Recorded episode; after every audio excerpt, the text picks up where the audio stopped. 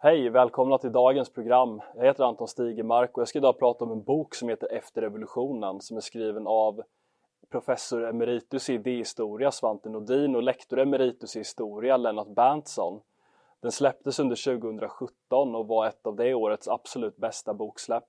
Men, men innan jag går in på ämnet så skulle jag vilja påminna er alla om att det blir lättare för er att ta del av vårt material ifall ni prenumererar på kanalen eller att ni trycker i så att ni får notifikationer. Jag skulle även vilja gå ut så här och tipsa om att den 28 september så kommer Palestra Media att anordna en filmfestival där det kommer visas några riktigt intressanta filmer och det kommer vara i väldigt fina omgivningar så jag rekommenderar verkligen att ni kollar in det. Det kommer finnas länkar precis här under ifall ni vill veta mer.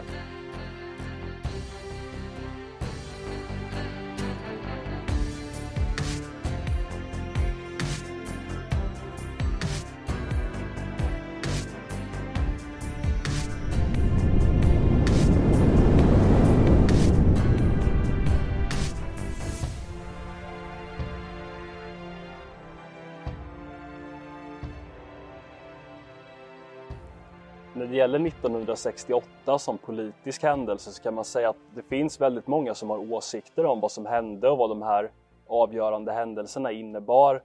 Men det har inte funnits jättemycket litteratur på det och den litteratur som funnits har inte alltid varit helt lättillgänglig. Men därför är det en otrolig välgärning att det sedan några år tillbaka har pågått ett forskningsprojekt som heter Arvet efter 1968 det är just Svante Nordin och Lennart Berntsson som är de som har skrivit den boken som jag ska prata om idag, har varit forskningsledare.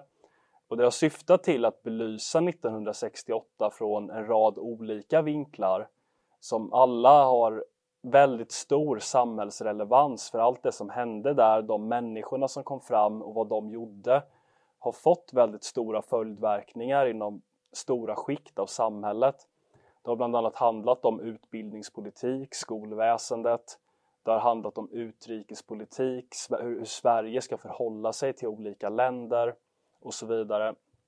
Jag skulle säga att de två bästa böckerna som jag har läst ur det här projektet har just varit dels boken som jag pratar om idag men också en bok som jag kommer att diskutera vid ett annat tillfälle som heter 68 kyrkan svensk kristen vänsters möten med marxismen av en idéhistoriker som heter Per Johan Sundén.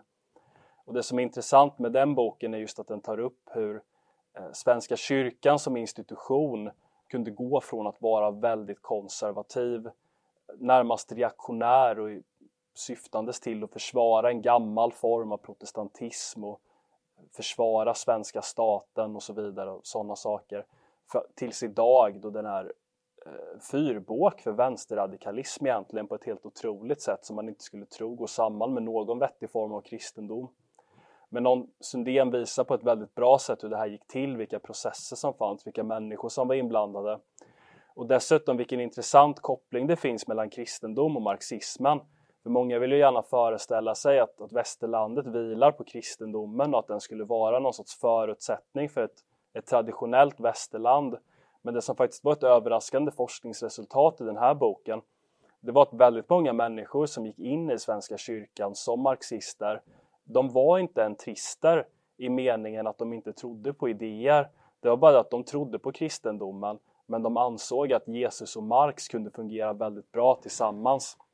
Men det blir ett senare ämne. Idag ska vi prata om boken Efter revolutionen och den tar sikte på 1968, både vad som hände under de här åren men framförallt på följdverkningarna, hur allt det här spann vidare. Och jag skulle säga att om man kan ringa in bokens tema med några korta meningar så skulle jag säga att det handlar om hur den svenska vänstern går från att representera en förhållandevis hård och klassbaserad vänster som syftar till eh, vad man kan kalla lite hårdare värden man tror på vetenskap, man tror på framsteg, man tror på industrialiseringsprocesser. De frågorna man riktar in sig på rör eh, konflikter på arbetsmarknaden, hur man ska, eh, hur man ska fördela resurser, att kapitalismen skapar fattigdom och sådana saker. Det handlar om en i grunden progressiv vänster som tror att samhällsutvecklingen går framåt hela tiden att alla de här materiella framstegen är någonting bra som man ska bejaka. Men hur allt det här byts ut egentligen, och inte över en natt men under några årtionden formas till den vänster som vi känner idag. Vilket är en, en helt annan typ av vänster. Den, den vänster som inte engagerar sig så mycket i, i klass överhuvudtaget. Det är klart det finns den typen av vänster fortfarande. Men, men de verkar någonstans, nu verkar det någonstans vara de som är ute på marginalen och strider för en förlorad sak som ingen riktigt bryr sig om. Och de här breda skikten av vänstern, det är istället de som pratar om hbtq-värderingar eller mångkultur eller feminism eller eh, rätten att välja sitt eget kön och, och värden som egentligen hade varit helt otänkbara för vänstern bara för några årtionden sedan. Och det som är intressant att notera framförallt med 68-rörelsen det är att den framträder, den kallas för en revolt men den framträder i ett läge där Tage Erlander har suttit som statsminister och representerat socialdemokratisk ministär i ungefär 20 år. Så vänsterpolitik som vi känner det, det är ingenting nytt för samhället. Att det som de gör uppror mot, det är inte ett reaktionärt och konservativt samhälle som styrs av traditionella högerpartier eller någonting. Utan det de riktar udden mot, det är snarare ett sam samhället som, de har byggt, som det har byggts upp under väldigt lång tid av socialdemokratin. Och det är också någonting som som framgår väldigt bra i boken och som, som förmedlar hur den här vänster, vad den här vänstern har för rötter, hur den tänker, vilka frågor den tog sig an.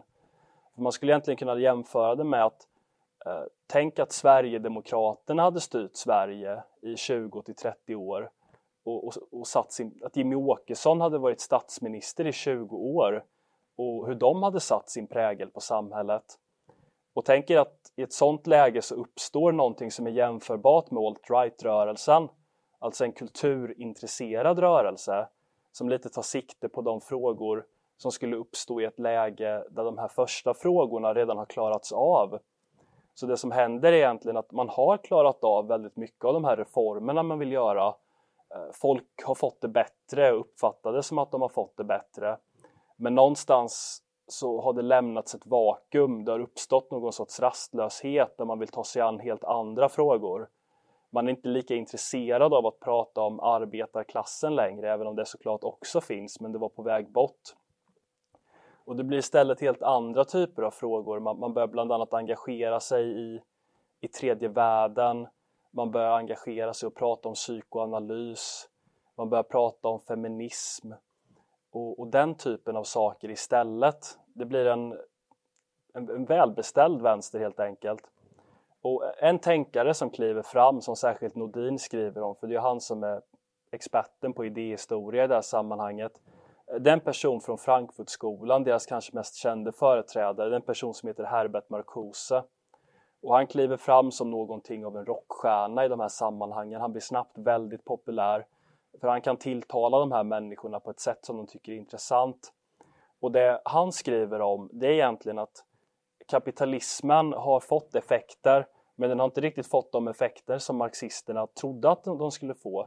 Utan det som egentligen är felet är att under det kapitalistiska samhället så har människorna fått det alldeles för bra. Och när de har fått det alldeles för bra då har de lite blivit systemets fångar de är inte intresserade av revolution längre. De är inte intresserade av att revoltera mot dem, eh, mot de auktoriteter som finns utan man finner sig väldigt bra i sin situation. Och det här är såklart någonting som går totalt motsatt hur vänstern alltid har, funger har fungerat. För det man alltid har sagt är att kapitalism skapar fattigdom.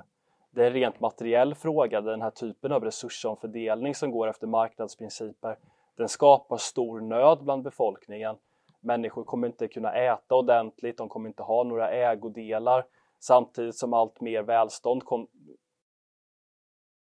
koncentreras bland ett fåtal besuttna på ett sätt som blir helt orimligt och gör att samhället inte kan hålla. Men så har det inte alls blivit då utan nu är det så att kapitalismen har gjort att människor har fått det alldeles för bra och de som har fått det allra bäst är såklart arbetarklassen. Så de är inte intressanta längre ur revolutionssynpunkt. Och det är där någonstans som man ska markera det här brottet när vänstern slutar intressera sig för arbetarklassen. Att det, var inte för något år sedan eller sådär utan det var för flera årtionden sedan. Och det är någonstans där man börjar titta efter att vilka är det nu som ska göra revolution istället? Nu när arbetarklassen inte är lämpad för uppdraget längre. Och det är då man börjar titta på de här andra människorna, de som finns i samhällets marginal och, och, och kan tänkas vara mer mogna för uppgiften. Och de, de, som i första hand själva tar på sig det här och blir intresserade av detta, det är ju såklart studenterna. Och när man brukar prata om 1968 så brukar man ju prata om det som kanske framförallt en angelägenhet för universitetsmänniskor. Och en av anledningarna till att det kunde bli sådana följdverkningar som det blev det var ju såklart att alla de här människorna, när de hade tagit sina examen, då gick ju de in i universiteten, i eh, olika typer av statliga offentliga befattningar, de blev tjänstemän, de blev utredare, de blev lärare och sådana där saker. Och, och när vissa pratar om det här så låter det som någon sorts centralplanerad konspiration. Men så är det ju inte alls, utan det är tvärtom en organisk utveckling där det finns vissa idékluster som vinner stor spridning bland människor i en viss miljö.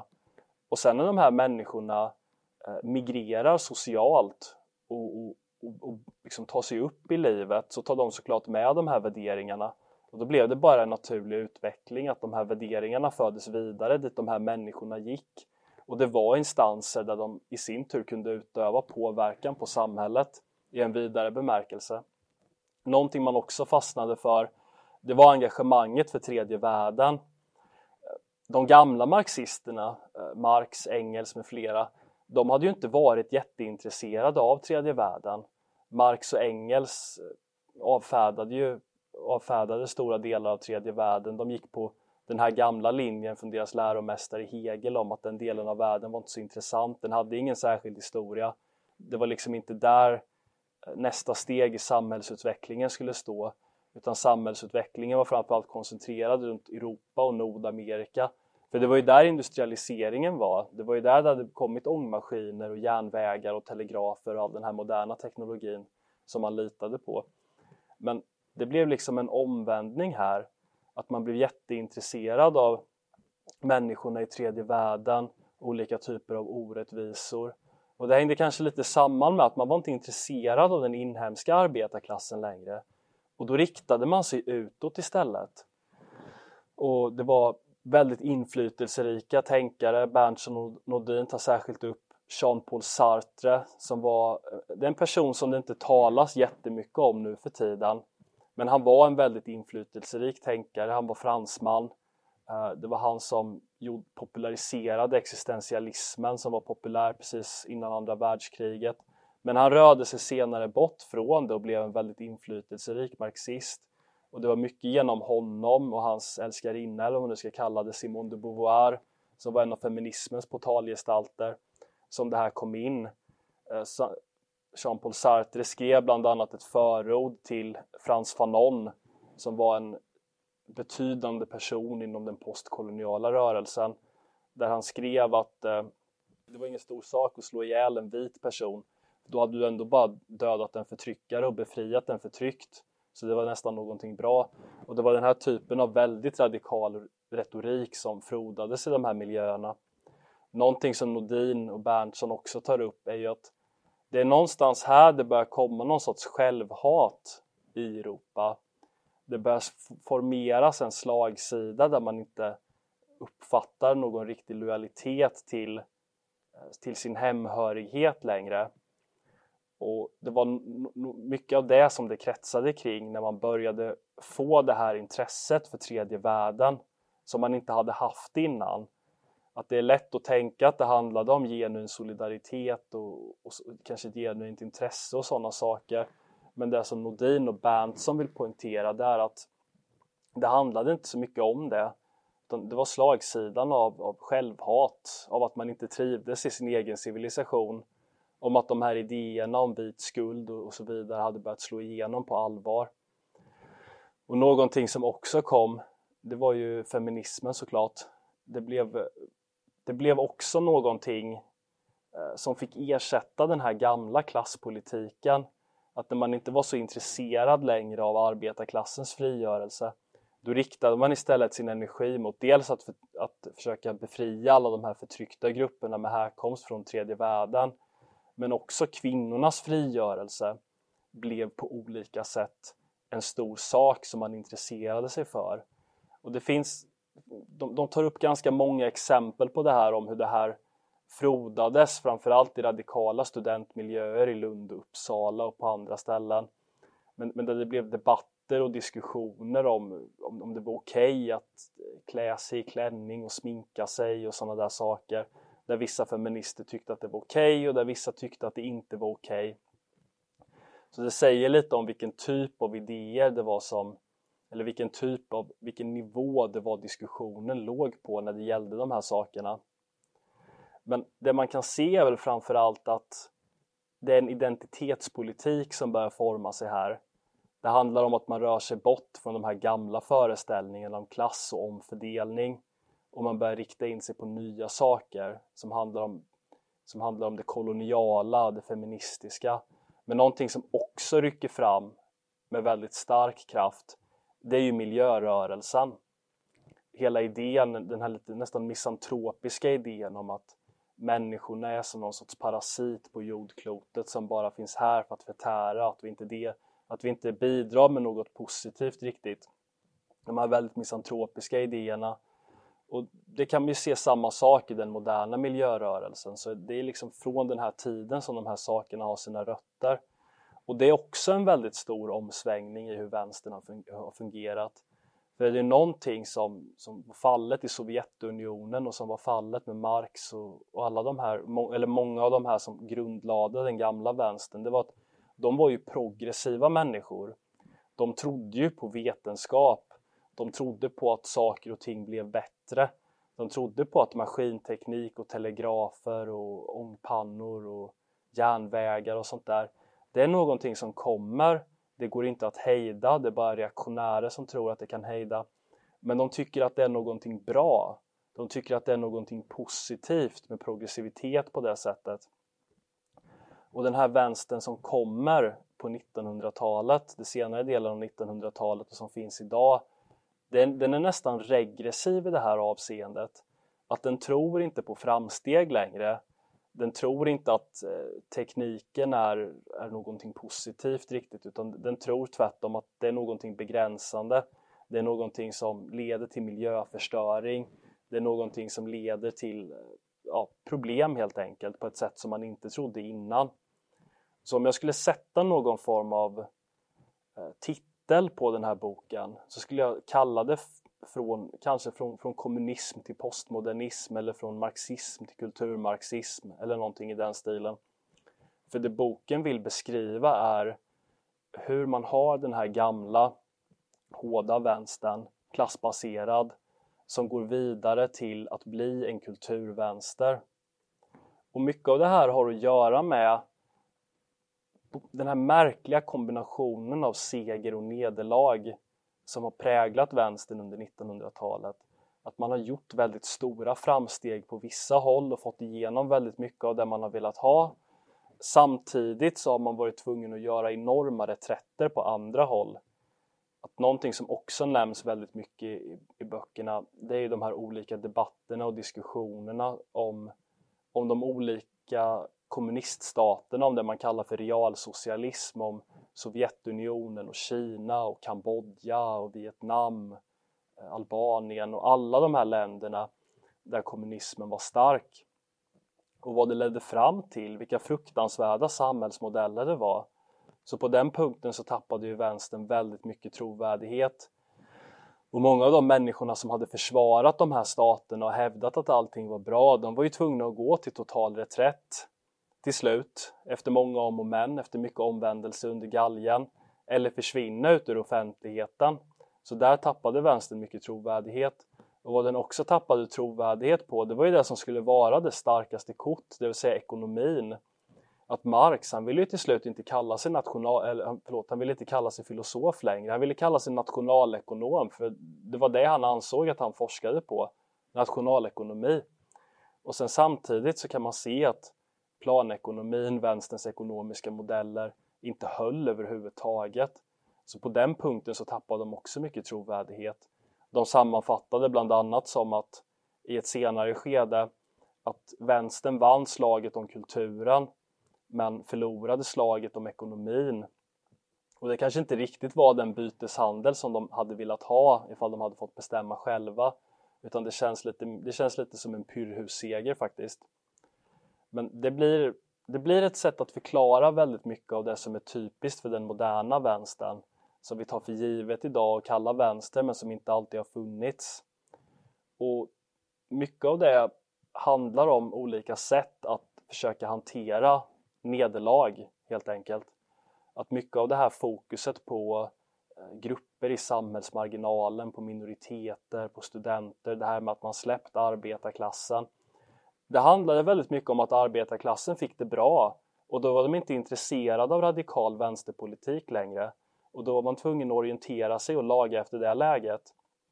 Väldigt mycket av det här fokuset på kulturen som kommer det handlar om att man, man kunde inte orientera sig längre och, och konkurrera på en plattform som gällde ekonomin. Man hade ingen riktig trovärdighet där. Så då var man tvungen att retirera ut till andra saker. Väldigt mycket av de värderingar som man en gång hade, man trodde på progressivitet, framsteg, teknisk utveckling, förbyttes mot misantropi, eh, en vurm för reaktionära kulturer i tredje världen, idéer om att människor är ansvariga för miljöförstöring och, och en massa sådana saker. Så jag rekommenderar den här boken därför att det är den absolut bästa sammanfattningen av 68 händelserna som har skrivits hittills. Den sammanfattar dessutom väldigt mycket tidigare forskning och gör att man kan orientera sig i ett forskningsläge som verkar allt annat än klart och, och, och överskådligt i många lägen. Och framförallt den som undrar varför den moderna vänstern ser ut som den gör idag får definitivt svar genom att läsa den här boken. Tack så mycket för att ni lyssnade.